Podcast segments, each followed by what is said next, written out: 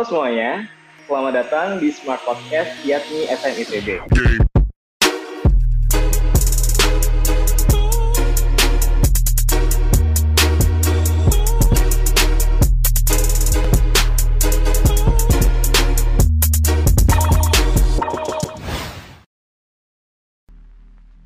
Nah, sebelum itu aku akan perkenalkan diri terlebih dahulu.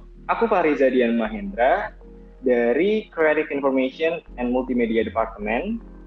Dan di sini aku tidak sendiri sih sebenarnya akan ditemani oleh salah satu temanku yaitu uh, aku Afra atau lengkapnya Muhammad Afrazaki dari External Affairs Department.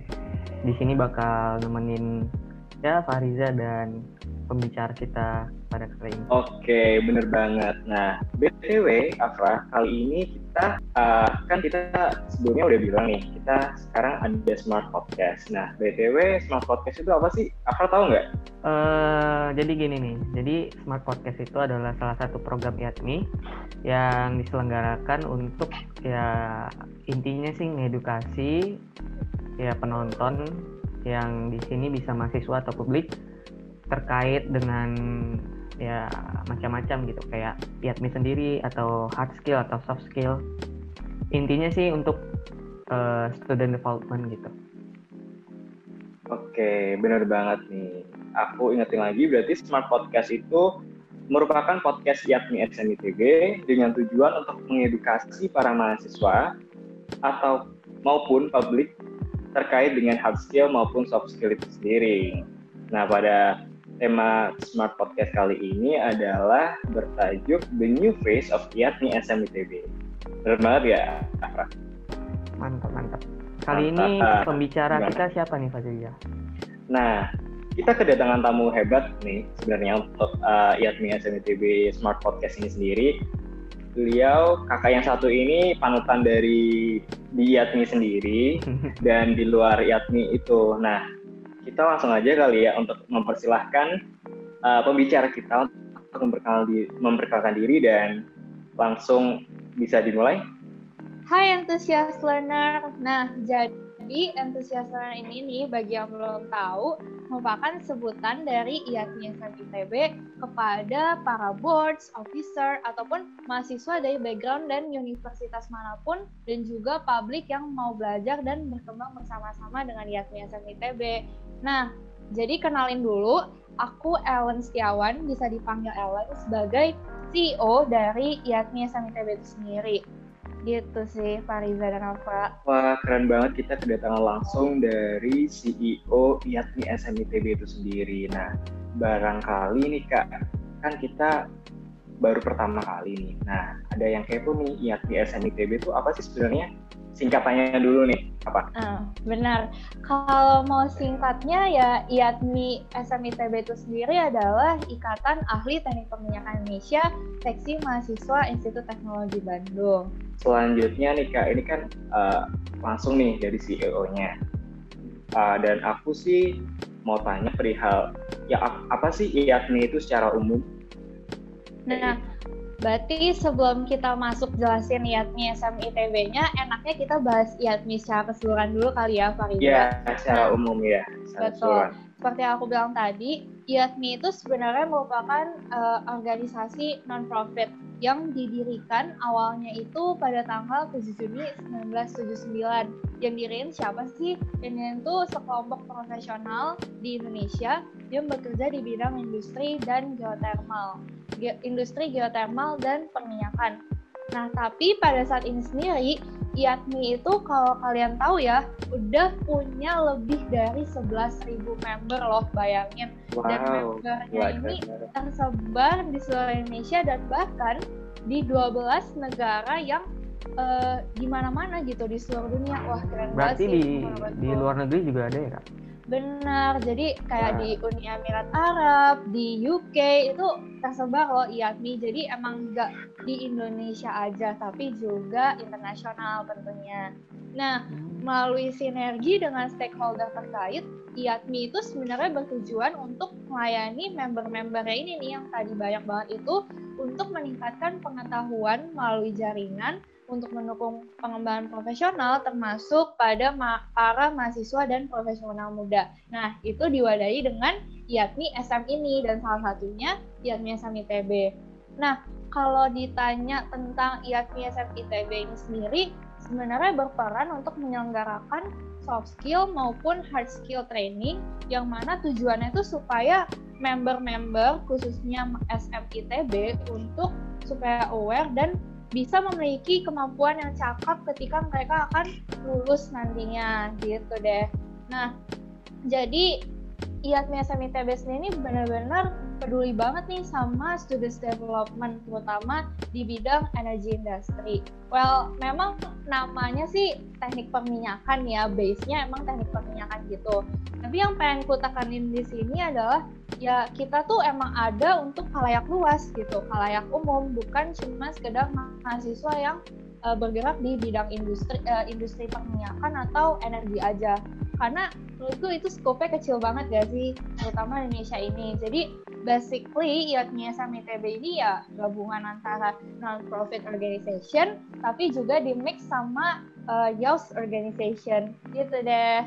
Oke, jadi seperti itu gambaran secara umum IATMI SMITB yang tidak hanya berkutat di energi industri aja, tapi juga uh, student development-nya juga untuk member-membernya untuk member-member di TB ataupun di lainnya juga diasah juga seperti itu. Uh, gini nih kak, kakak kan sekarang uh, posisinya sebagai CEO kan, kayak ketua gitu kan. Nah pasti kan sebelum jadi ketua pasti jadi anggota dulu kan. Nah ini mungkin uh, mau nanya tentang pengalaman aja nih, gimana sih pas pertama kali masuk ke IATMI itu gimana? Maksudnya ya jelasin aja gitu kenapa apa yang dilakukan motifnya dan sebagainya gitu. Oke wah ceritain tentang diri aku sendiri nih ya. Nah jadi dari dulu aku tuh emang uh, masuk organisasi hanya di IATMI doang di IATMI SMK ITB doang selain di himpunan dan emang maunya tuh fokus ngembangin di satu organisasi aja daripada nyoba-nyoba ke semuanya gitu dan oh. jadi aku baru ikut IATMI itu pas tingkat dua di mana kan kalau IATMI SMITB itu buka dua batch ya buka dua gelombang hmm. nah aku baru daftar di batch kedua dan emang aku orangnya nekat sih ya jadi waktu itu aku mau masuk divisi yang menurutku paling hebat deh, paling keren nih ujung tombaknya eksternal IATMI bisa dibilang. Wah, keren Makanya, banget. Sama nih kak. Benar. Makanya aku nekat aja ya udah deh, aku masuk ke uh, daftar ke divisi energi visit yang mana waktu itu pendaftarannya paling banyak di IATMI bisa dibilang. Hmm. Nah, singkat cerita, waktu itu kan uh, kalau IATMI ada tiga tahap seleksi. Nah, aku tuh stres banget donor stres karena aku masih nggak dihubung-hubungi nih sama HR-nya waktu itu.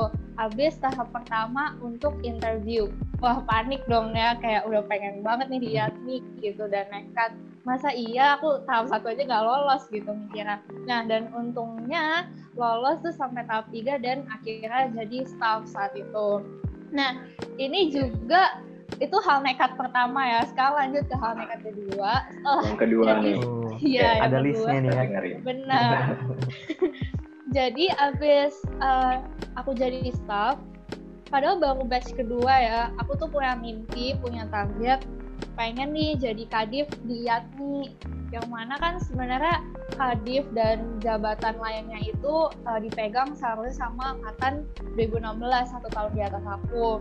Dan aku sadar diri juga nah nargetinnya eh ya udah deh kadif apa aja lah gitu. Yang penting aku diterima gitu sebagai kadif. Nah dan setahu aku waktu itu tuh udah hamin tiga pemilu kalau nggak salah ya kalau nggak salah ingat udah mepet banget dan masih nggak ada kabar yang mau narikin aku sebagai kadif udah hopeless banget dong nih ya. Nah, nggak tahu ya tiba-tiba Bang Luka waktu itu kadep eksternalnya, Wah, dia yes. iya uh, Bang Luka Asmi untuk uh, mau nggak nih kamu jadi head of energy visit energy visit division gitu. Wah, aku anak 2017 juga sebelumnya ini for your information juga ya. Uh, energy visit itu nggak pernah sebelumnya kadifnya cewek. Terus tiba-tiba diminta jadi kadif. Gak mikir A dan gak mikir B aku langsung iyain aja gitu Ya. bang Luka. Iya.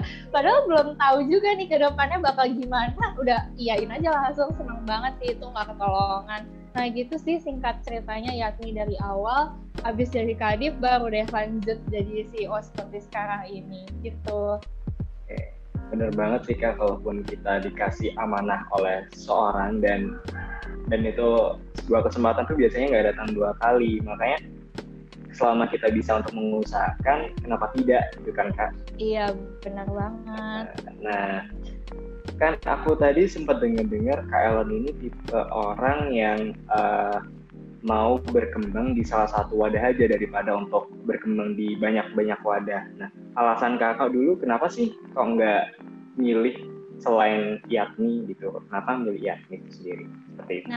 Jadi kalau boleh cerita ya, dulu tuh eh aku, ya waktu aku hopeless hopeless banget nih yang gak ditarik sebagai kadif, aku sempet mikir ah ya udah deh kayaknya aku mau nyoba mau nyoba organisasi lain juga gitu. Tapi terus ya itu ya emang rencana Tuhan dan emang jelas gitu loh impactnya waktu aku milih satu organisasi ini gitu sih Fariza. Oke, kemudian eh, setelah keberjalanannya nih, setelah udah tahun pertama kakak jadi kadif eh, energi visit, kemudian di tahun berikutnya langsung melejit tanpa basa-basi lagi untuk jadi CEO dari IAKMI SMITB. Nah, apa sih yang membuat kakak bertahan di IAKMI sampai bersedia menjadi CEO IAKMI tahun sekarang? Wah berat Gitu. ya ini pertanyaannya. Mungkin pertama kenapa dulu milih Yatni, Yatni dulu Iya. kali ya.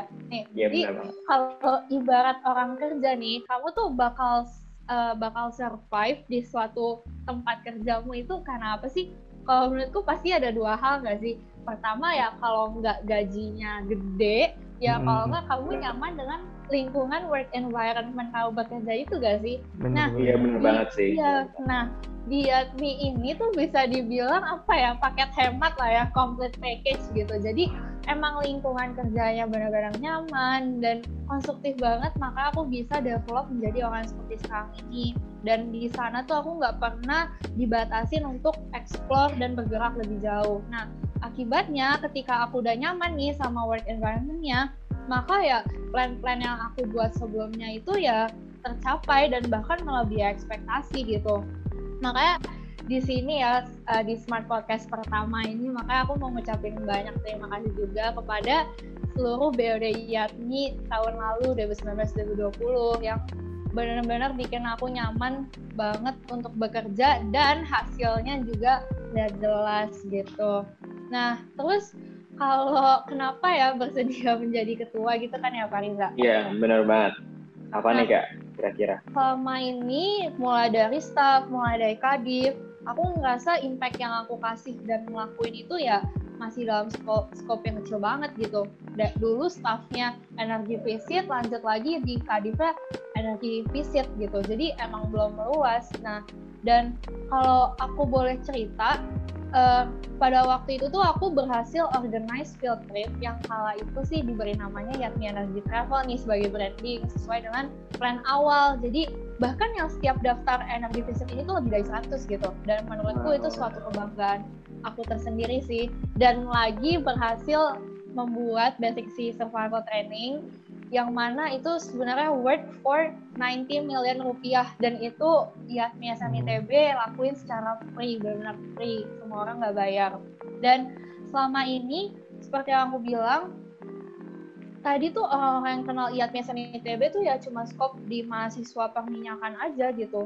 Oke nih anak-anak eh, mahasiswa perminyakan ITB pasti udah pada tahu lah ya sama IATMI SMI TB ini. Tapi pertanyaannya sekarang apa apakah di luar sana bahkan kalau kita keluar sedikit aja nih dari jurusan minyak kalau beda jurusan tuh atau bahkan beda universitas atau sampai ke publik udah tahu nggak sih ini sebenarnya tentang IATMI? Well aku rasa kayaknya uh, not enough deh gitu. Dan yang pengen aku bawa di sini aku pengen memperkenalkan bahwa IATMI SM ITB nih ada gitu. IATMI SM ITB tuh ada loh. IATMI itu ada sebagai sarana pengembangan untuk eh, membantu teman-teman semua di sini belajar tentang soft skill, hard skill. Jadi emang gak cuma belajar tentang perminyakan aja, tapi emang terbuka bagi siapa pun yang pengen belajar dan berkembang. Dan prinsipku uh, adalah IATMI tahun ini sekarang ada untuk apa? Jelas pertama untuk memperbaiki hal-hal yang sekiranya kurang yang perlu dievaluasi dari tahun-tahun sebelumnya. Tapi juga meningkatkan apa yang sudah baik dari tahun-tahun sebelumnya. Tapi yang paling penting adalah gimana kita bisa harus bisa create suatu hal yang baru yang fresh sehingga orang-orang ini bisa ke attract gitu dan jadi bisa kenal Yatmi itu siapa sih? Gitu. Dan nggak ada salahnya kan kita untuk expand keluar dari mindset atau stereotype yang ada gitu. Ya gampang gampangnya nih ya istilahnya hidup jangan stagnan gitu-gitu aja bro gitu kan. Harus ada ya, progres dan peningkatan gitu. Tadi kan kakak bilang hmm, pengen apa membawa suatu hal yang baru untuk masyarakat luas supaya IATMI lebih dikenal gitu kan. Uh, mau nanya nih kak, kira-kira uh, poin apa gitu yang mau dibawa IATMI yang mungkin kakak ketuai sekarang gitu? Poin apa yang ingin kakak tunjukkan yang menjadi ciri khas IATMI buat masyarakat luas dan juga buat IATMI internalnya sendiri gitu? Kira-kira apa tuh kak? Hmm, berarti lebih ke nilai-nilai value IATMI yeah. sendiri gitu kali ya? Nah, betul, jadi ya. kalau buat tahun ini nih uh, ada tiga value yang pengen uh, IATMI itu tanamkan ke semua orang, yaitu empowering, learning, dan juga improvement. Jadi emang ketiga ketiga value ini awalnya uh, asal muasalnya tuh bermula dari diri aku sendiri ya, hmm. Kak. Nah, jadi dari pertama tuh nilai empowering emang prinsip bukan prinsip ya kayak uh, apa yang aku tanamkan dalam hidupku tuh aku suka woman empowerment atau empowering orang lain gitu. Nah dari sini dari pengalaman empowering ini aku mikir dong, oh iya ini tuh juga emang seharusnya bisa loh empowering orang. Tapi siapa nih orang-orang yang mau di empower? Oke kita base-nya teknik perminyakan, tapi uh, sesuai dengan namanya seksi hmm. mahasiswa. Tapi mahasiswa perminyakan apakah cukup uh, aku rasa balik lagi tadi enggak ya. Jadi hmm. emang di sini empowering students secara luas dari background dan jurusan mana pun. Dan yang kedua, aku pengen mereka nih learning gitu, belajar.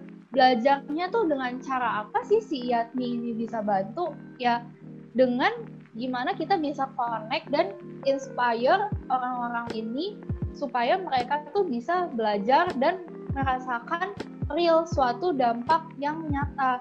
Nah, ketika mereka udah merasakan dampak yang nyata ini sendiri, aku harapannya adalah poin yang ketiga, improvement.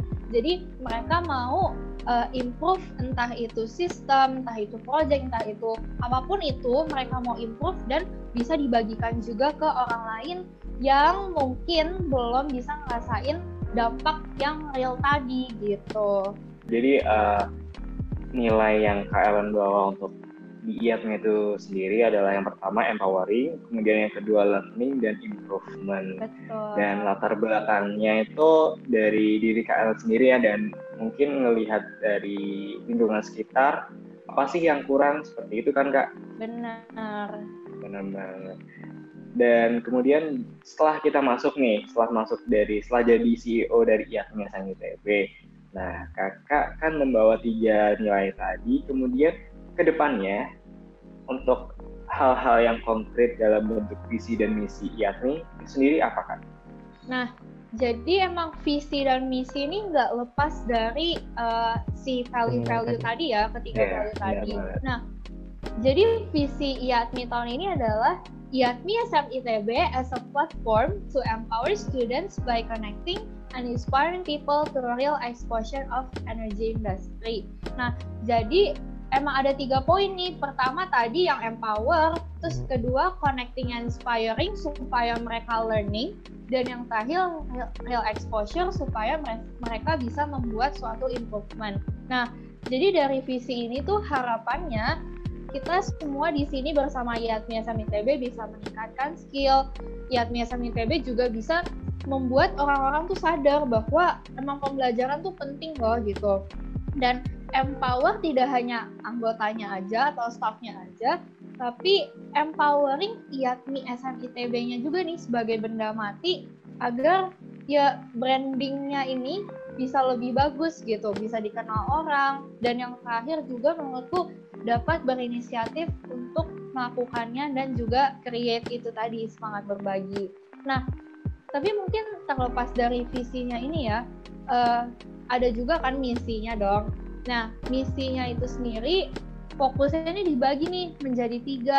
Yang pertama yakni untuk anggota, yaitu dari visi yang pertama nih kalau kamu bisa lihat yaitu YATMI SMITB as a self-development platform and positive environment for students learning based on professionalism. Nah, yang kedua itu ada YATMI untuk eksternal sesuai dengan misinya juga yang kedua inspiring by networking and connecting students to the professionals and external parties related to YATMI SMITB.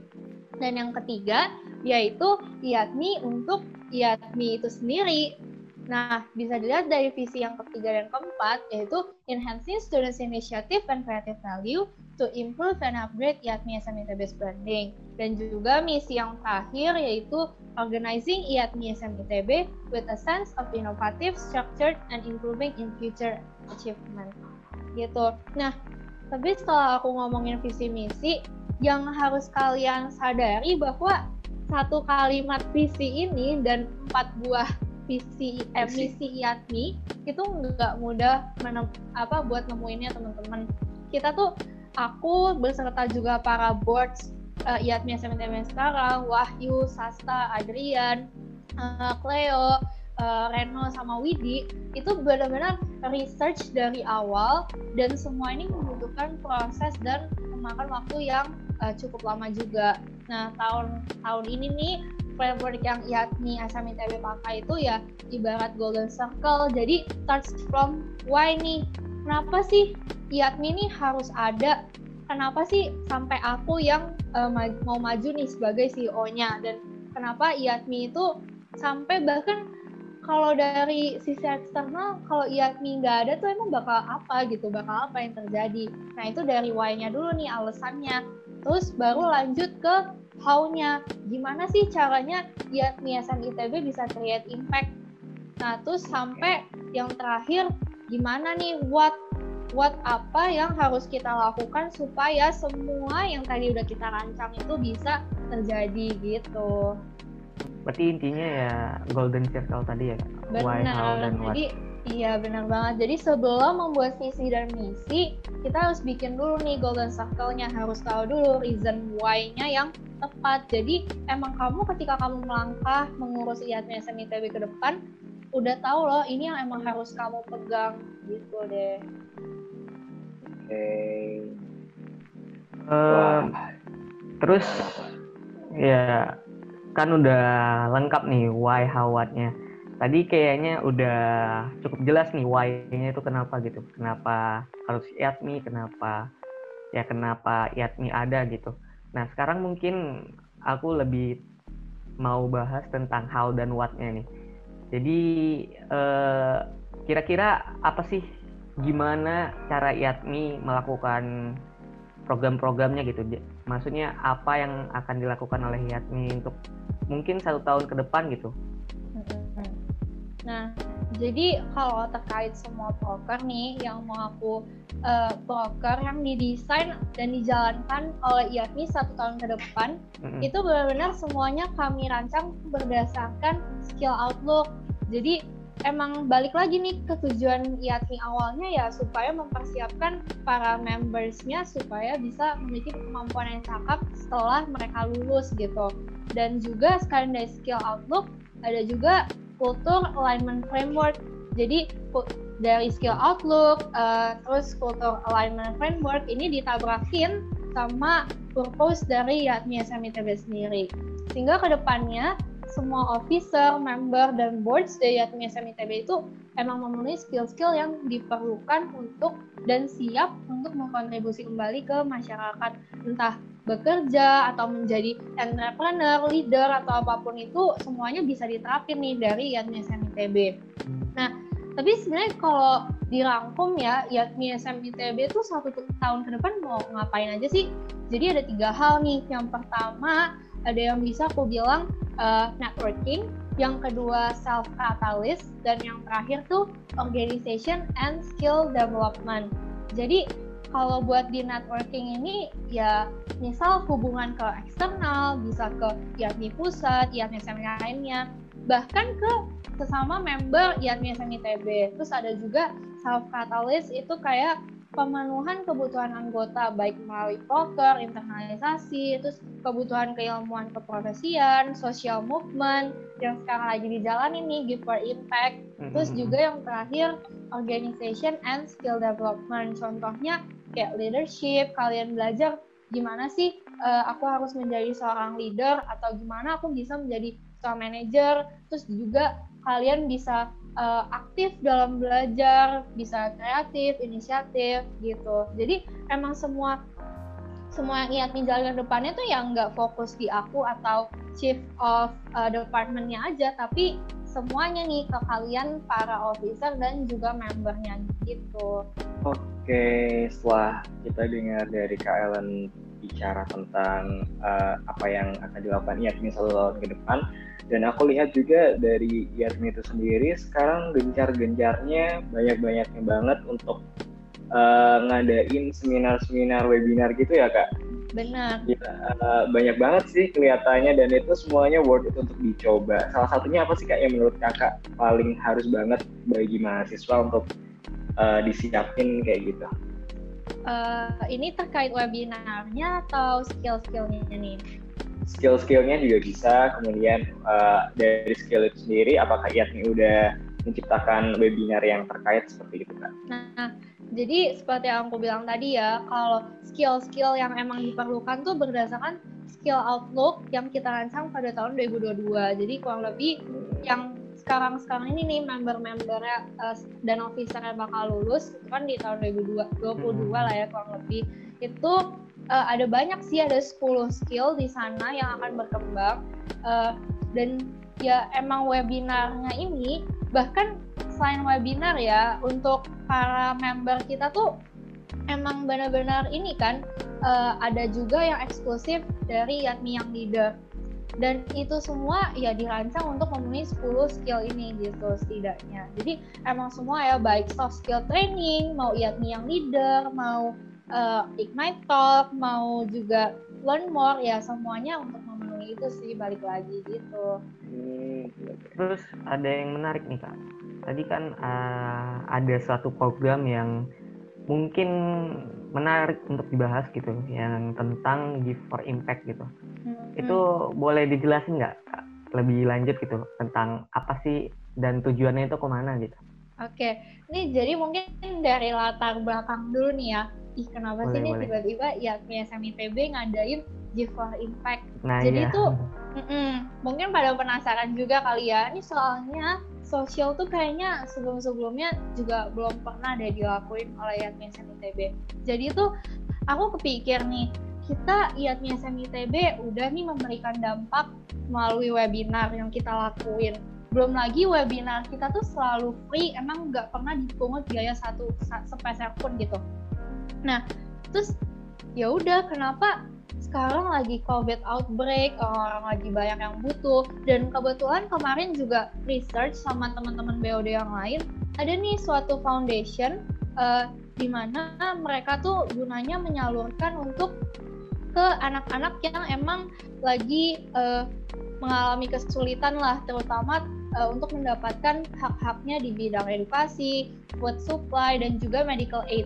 Dan pendidikan ini ya terutama kan emang kita tuh ya SMI ITB base-nya emang education dong jelas. Nah hmm. kenapa sih kita nggak bisa berimpact juga kepada orang lain yang emang jelas gitu membutuhkan selain melalui webinar? Oh ya udah kita bikin aja di webinar ini webinar free. Jadi kalian bebas nih siapa pun yang mau donasi boleh dan kita benar-benar nggak mematok ya berapa minimal kalian benar sekecil apa pun itu makanya nih jadi tagline dari Give for Impact sekecil apa pun uh, donasi yang kalian buat itu pasti bisa membuat impact bagi orang lain dan membuat suatu perubahan gitu. Jadi kalau misalnya ada yang mau donasi bisa banget di link bit.ly slash yatni SMITB Give for Impact atau bisa juga melalui ketika kalian registrasi di webinar-webinar kita. Dan jangan lupa jadi stay tune terus nih sama agenda-agenda Yatni ke depannya.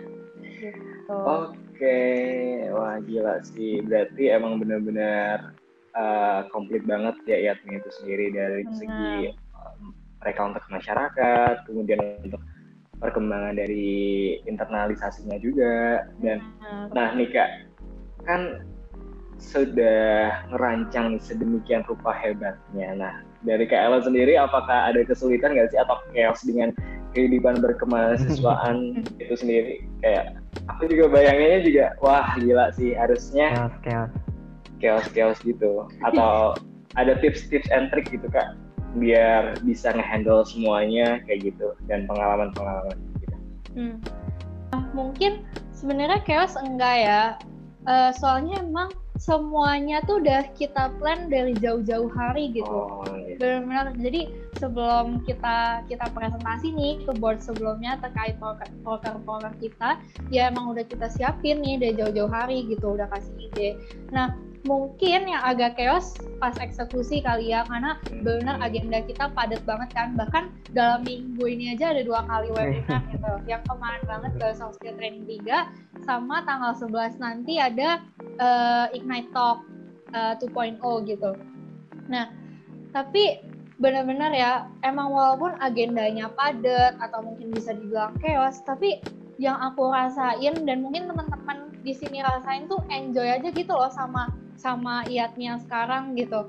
Dan yeah. menurutku karena ya udah develop lah istilahnya dari yang sebelum-sebelumnya ya emang membuahkan hasil yang nyata dampaknya jadi juga terasa nyata gitu. Jadi kita senang aja jalaninnya gitu. Belum lagi kayak webinar gitu ada orang yang bilang merasa terinspirasi. Bahkan ada juga dari univ lain yang nggak jurusan minyak gitu yang nggak ada jurusan minyaknya jadi tertarik dia selalu gitu ya Iya, selalu langganan gitu loh ikut webinar. Ini kan kayak gila. iya benar yang kayak nanya tiap kali, "Kak, ini acaranya dibuat dibuka buat publik nggak nih?" gitu-gitu. Bahkan sampai Yatmi yang leader pun mau ikut juga gitu. Padahal itu kan eksklusif untuk our member aja ya gitu. Jadi emang ketika kamu udah dapet pencapaian dari suatu yang kamu buat sekecil apa pun ya, kayak sekecil appreciation dari orang gitu bilang terima kasih benar bikin enjoy sih dan nggak bikin kita tuh jadi mumet, chaos, bete gitu jarang sih benar-benar ya. Jadi emang semua di sini kerjanya nyaman gitu. Cara oh, bertahannya iya. itu tadi sih ningkatin nyaman gitu kamu di sini gitu.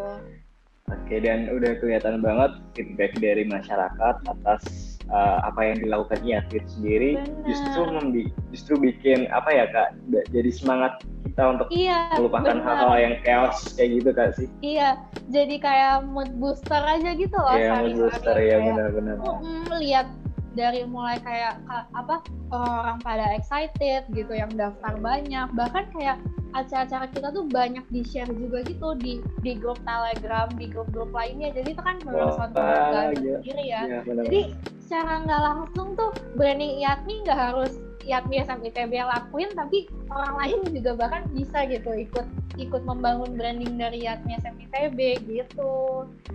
Ya jadi kita aku barusan dengar juga sempat di share juga ya di sosial media lain dan itu membuat aku kayak wah gila. Iya, memberi bener. impact memberi iya. impact pada yang lainnya dan membuat kita officer-officer di sini juga semangat lagi untuk membuat acara yang lebih spektakuler lagi ke depan. Ini kayak terbayarkan gitu ya. Iya benar, benar pura terbayarkan banget. Jadi semangat terus deh pokoknya ke depannya. Apalagi sekarang kan di tengah uh, ke ya sekarang lagi pandemi, kemudian dan orang-orang pada stres gara-gara sering di rumah dan nggak keluar-keluar dan ya salah satu hmm. caranya untuk nah. mengisi aktivitas seperti itu ya, Kak malah itu nah. malah aku yeah. malah merasa apa ya kalau webinar tuh kayak semakin mudah dan semakin banyak gitu. Kalau kita misalnya offline gitu, mungkin satu minggu nggak, mungkin satu bulan gitu baru bisa sekali ada ya benar bang training atau seminar gitu. Tapi kalau di situasi kayak gini kayak ya sudah ada apa ya kayak itu suatu hal yang normal dan bisa dilakuin siapa aja di mana aja gitu dan Benar, itu jadi- sangat ya sangat Iya. berdampak jadi semakin gampang gitu kita nyari ilmu dan nyari sesuatu yang bisa ngisi kekosongan dengan hal yang positif gitu Benar. Jadi kayak yang tadinya tuh kerasa jauh banget nih. Hmm. Benar sekarang IATMI SMITB nih ngedeketin nih ke para ke Hmm. para entusias tadi gitu. Gitu sih. Oke, nah berbicara dengan kondisi sekarang ini yang lagi dari bisa dikatakan new normal kali ya. Nah, bagaimana sih cara IATMI beradaptasi menghadapi situasi sekarang selain dari webinar seperti itu kan? Apakah ada cara-cara lain? Nah, jadi kalau dengan case seperti ini ya, sebenarnya apa sih nih yang bisa diubah gitu kan yang tadinya eh, metode dan strategi implementasinya yang semula tuh offline. jadi Sekarang online tuh semua ya Iya benar. Dulu semua harus dilakuin tatap muka gitu kan, baru Hmm. sah gitu kan istilahnya. Nah, Iya. tapi sekarang harus diubah nih menjadi online. Ya tujuannya supaya ya IATMI tetap relevan dengan eh, berkembangnya situasi sekarang ini gitu. Jadi dalam pemilihan topik bahkan sampai organize suatu acara, pemilihan speaker, waktu, tema, IATMI itu nggak pernah sembarangan gitu. Jadi sebenarnya salah satu cara agar kita selalu bisa beradaptasi dengan apa sih? Ya dengan balik tadi ya ke golden circle. Jadi Hmm. dengan selalu memikirkan why nih. Jadi reason dari segala sesuatu yang mau kita lakukan. Contoh nih, kemarin banget kan IATMI baru ngadain soft skill training yang ketiga, yaitu tentang productivity. Umumnya selama proses perkuliahan ya kita tuh cuma fokus sama akademik, organisasi, lomba, ya stuck di situ-situ aja gitu, nggak nggak nggak melihat dunia tuh gimana sih sebenarnya nyatanya. Padahal kan peran sayang banget kan peran mahasiswa tuh sebenarnya jauh lebih daripada itu gitu. Bukannya bukannya yang ketiga hal tadi aku bilang nggak penting. Tapi kan ada hal lainnya sebenarnya bisa kita lakukan supaya lebih berdampak kepada masyarakat kepada lingkungan. Contoh yang kayak kemarin speakernya lakukan gitu membuat non-profit organization, social project, bahkan sampai bisnis bisnis juga gitu. Padahal masih mahasiswa gitu kan. Kayak kenapa enggak gitu kalau kita bisa prestasi juga, kita juga bisa berdampak bagi orang lain gitu. Kenapa enggak kan ya kan? Nah, jadi Iya benar. Heeh, jadi yang bisa aku simpulin tuh ya kalian emang harus selalu tahu dulu why-nya dari kalian melakukan hal tersebut tuh apa sehingga kalian bisa tahu loh kebutuhan orang-orang zaman sekarang tuh jadi apa yang kalian lakuin ya emang tepat sasaran. Bukan hanya sekedar menjalankan apa yang udah ada sebelumnya atau ngikutin nih orang lain eh, buat apa yuk kita buat ini aja gitu. Nggak kayak gitu sistemnya. Jadi that's why yakni selalu kita definisikan sebagai golden circle gitu. Jadi itu sih emang why-nya tuh penting. Jadi mau kondisinya berubah kayak gimana pun, strategi implementasinya nggak masalah. Yang penting kita udah tahu dulu why-nya tuh apa. Jadi ya kayak pakemnya deh, pakemnya tuh apa? Ya udah gitu, tinggal kalian modelin, kalian kembangin, kalian uh, improvisasi gitu. Oke.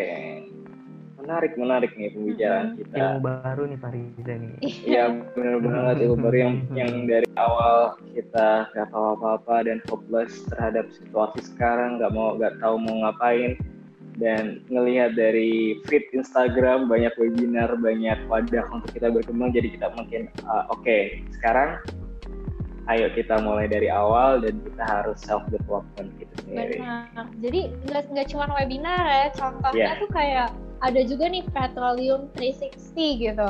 Keren Wow, banget kan itu, Kak? ya.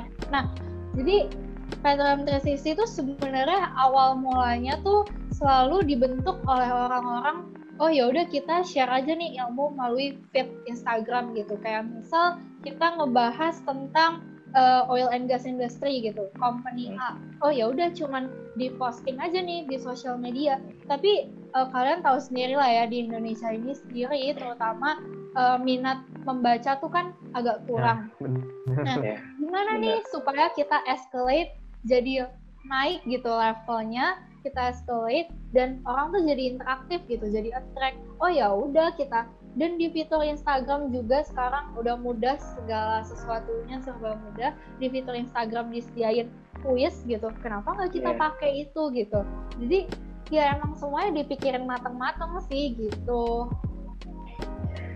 oke jadi ada satu hal yang bisa dipetik sih sebenarnya kalaupun kita mau membuat sebuah hal yang uh, baik ke depannya maksudnya nggak nggak nggak nggak kayak seperti itu kita harus pikirin matang-matang dulu ya sebelumnya kayak gitu biar benar benar banget iya pikirin matang-matang dan tapi ini juga sih jadi ada suatu pepatah ya Iya. You, Wah ini pepatah nih. Iya. nih?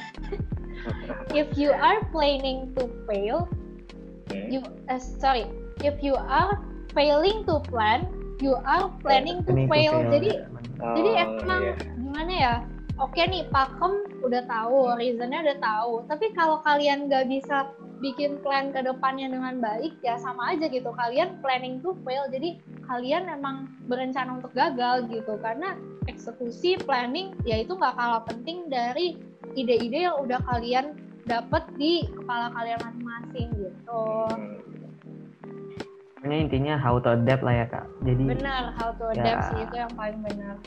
Sebenarnya kayak kata orang-orang nih ya kalau masalah-masalah gini kayak seleksi alam gak sih yang nggak bisa adaptasi ya bakal down gitu bakal fail gitu ya nah, dan benar. bisa survive ya yang bisa adaptasi dan bisa berimprovisasi gitu tentang situasi yang sedang berlangsung Iya benar. Jadi kayak contohnya aja ini mungkin agak ngelebar sedikit ya bahasannya. ya bisnis gitu.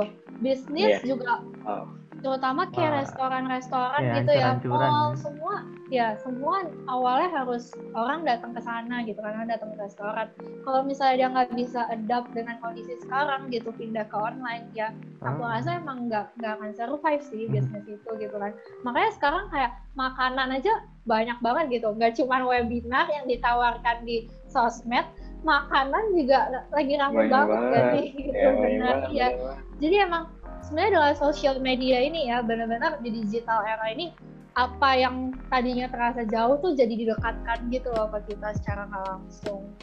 Kalau menurut kakak nih ya, program apa yang bisa kita lakuin gitu selain webinar dan apa impact for donation tadi yang udah disebutkan sebelumnya. Kira-kira apa lagi gitu selain itu dua gitu?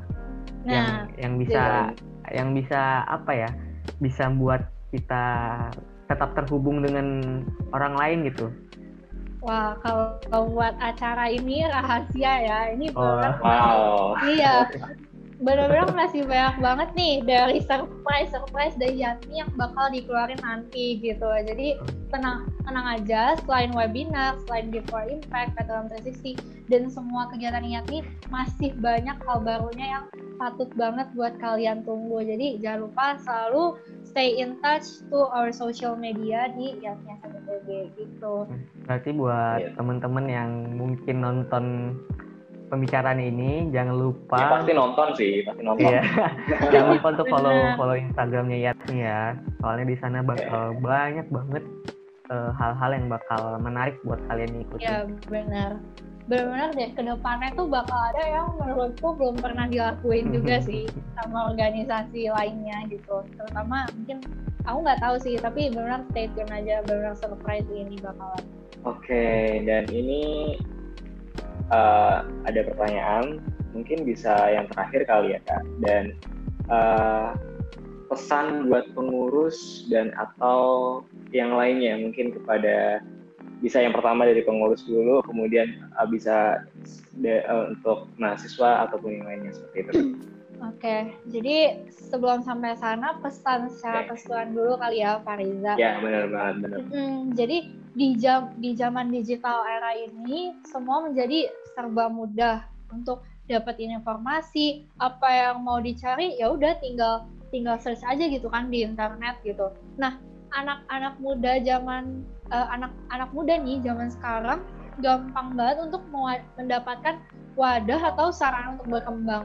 bahkan mereka nggak usah mencari pun wadah-wadah ini yang nantinya tuh akan secara nggak langsung engage ke mereka sendiri gitu loh beda halnya dengan uh, apa yang anak-anak muda rasain waktu tahun 90-an gitu hmm. jangankan jangankan kalian mencari gitu ya semua bahkan masih harus survive untuk hidupnya gitu dan malahan orang iya. orang-orang yang hidup di era inilah yang harusnya tuh membuat wadah supaya semangat perjuangan saat itu tetap ada gitu kan. Nah, sekarang pertanyaannya nih balik lagi dengan banyak banget wadah dan privilege yang udah dikasih ke kita nih semua di sini, kita tuh mau memilih untuk berkembang dan maju di organisasi itu, maju di sana atau ya ya udah deh asal jalanin aja lah dengan stagnan-stagnan gitu aja gitu.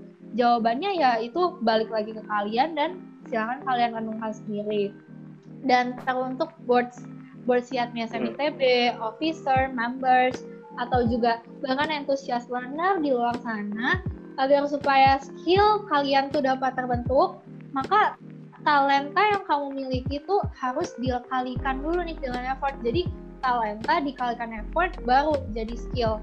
Nah, agar bisa menjadi achievement, lagi-lagi skill kalian itu harus dikalikan lagi dengan effort gitu. Jadi setiap talenta yang kamu miliki seminimalnya harus ada sebanyak dua kali effort yang kamu berikan lebih banyak gitu kepada talenta kamu itu.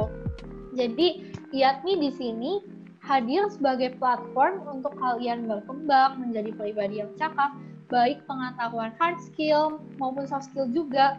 Sekarang pertanyaannya adalah apakah kalian mau menerima wadah yang udah diberikan ke kalian ini sebagai privilege atau malas baliknya gitu loh, jadi orang yang acuh lah gitu istilahnya. Seringkali tuh orang merasa bahwa hal itu tuh nggak penting gitu, karena dia nggak tahu bahwa hal tersebut tuh sebenarnya bermanfaat loh tapi dia nggak tahu aja gitu sehingga akibatnya ya udah dia menjadi pribadi yang ah ya udah deh bodo amat gitu gue nggak usah ikut gitu nah di sini nih peran IATI hadir untuk menyadarkan kalian semua bahwa hal yang kita provide di sini tuh pasti memiliki manfaat yang akan kalian rasakan ke depannya. Jadi emang emang nggak akan langsung kalian rasain gitu ke depannya. Tapi per, eh, sekarang maksudnya nggak akan kalian rasain. Tapi percayalah manfaatnya tuh akan terasa ketika kalian membuahkan hasilnya nanti gitu. Jadi ketika effort sudah kalian berikan then hopefully God will give you everything. Itu sih kalau dari aku. banget. God will give everything. Oke. okay. Itu dulu dari podcast kali ini. Dan terima kasih untuk Kak Ellen Setiawan atas uh, sharing-sharingnya. Kemudian dari aku pribadi, mohon maaf apabila ya, mohon maaf apabila ada salah kata. Dan mewakili Afra juga. Dan uh, tunggu kami di podcast selanjutnya. Oke, okay, see you. Yeay, kiatnya Sami TB, empowering by learning. Yeay, empowering. Ya,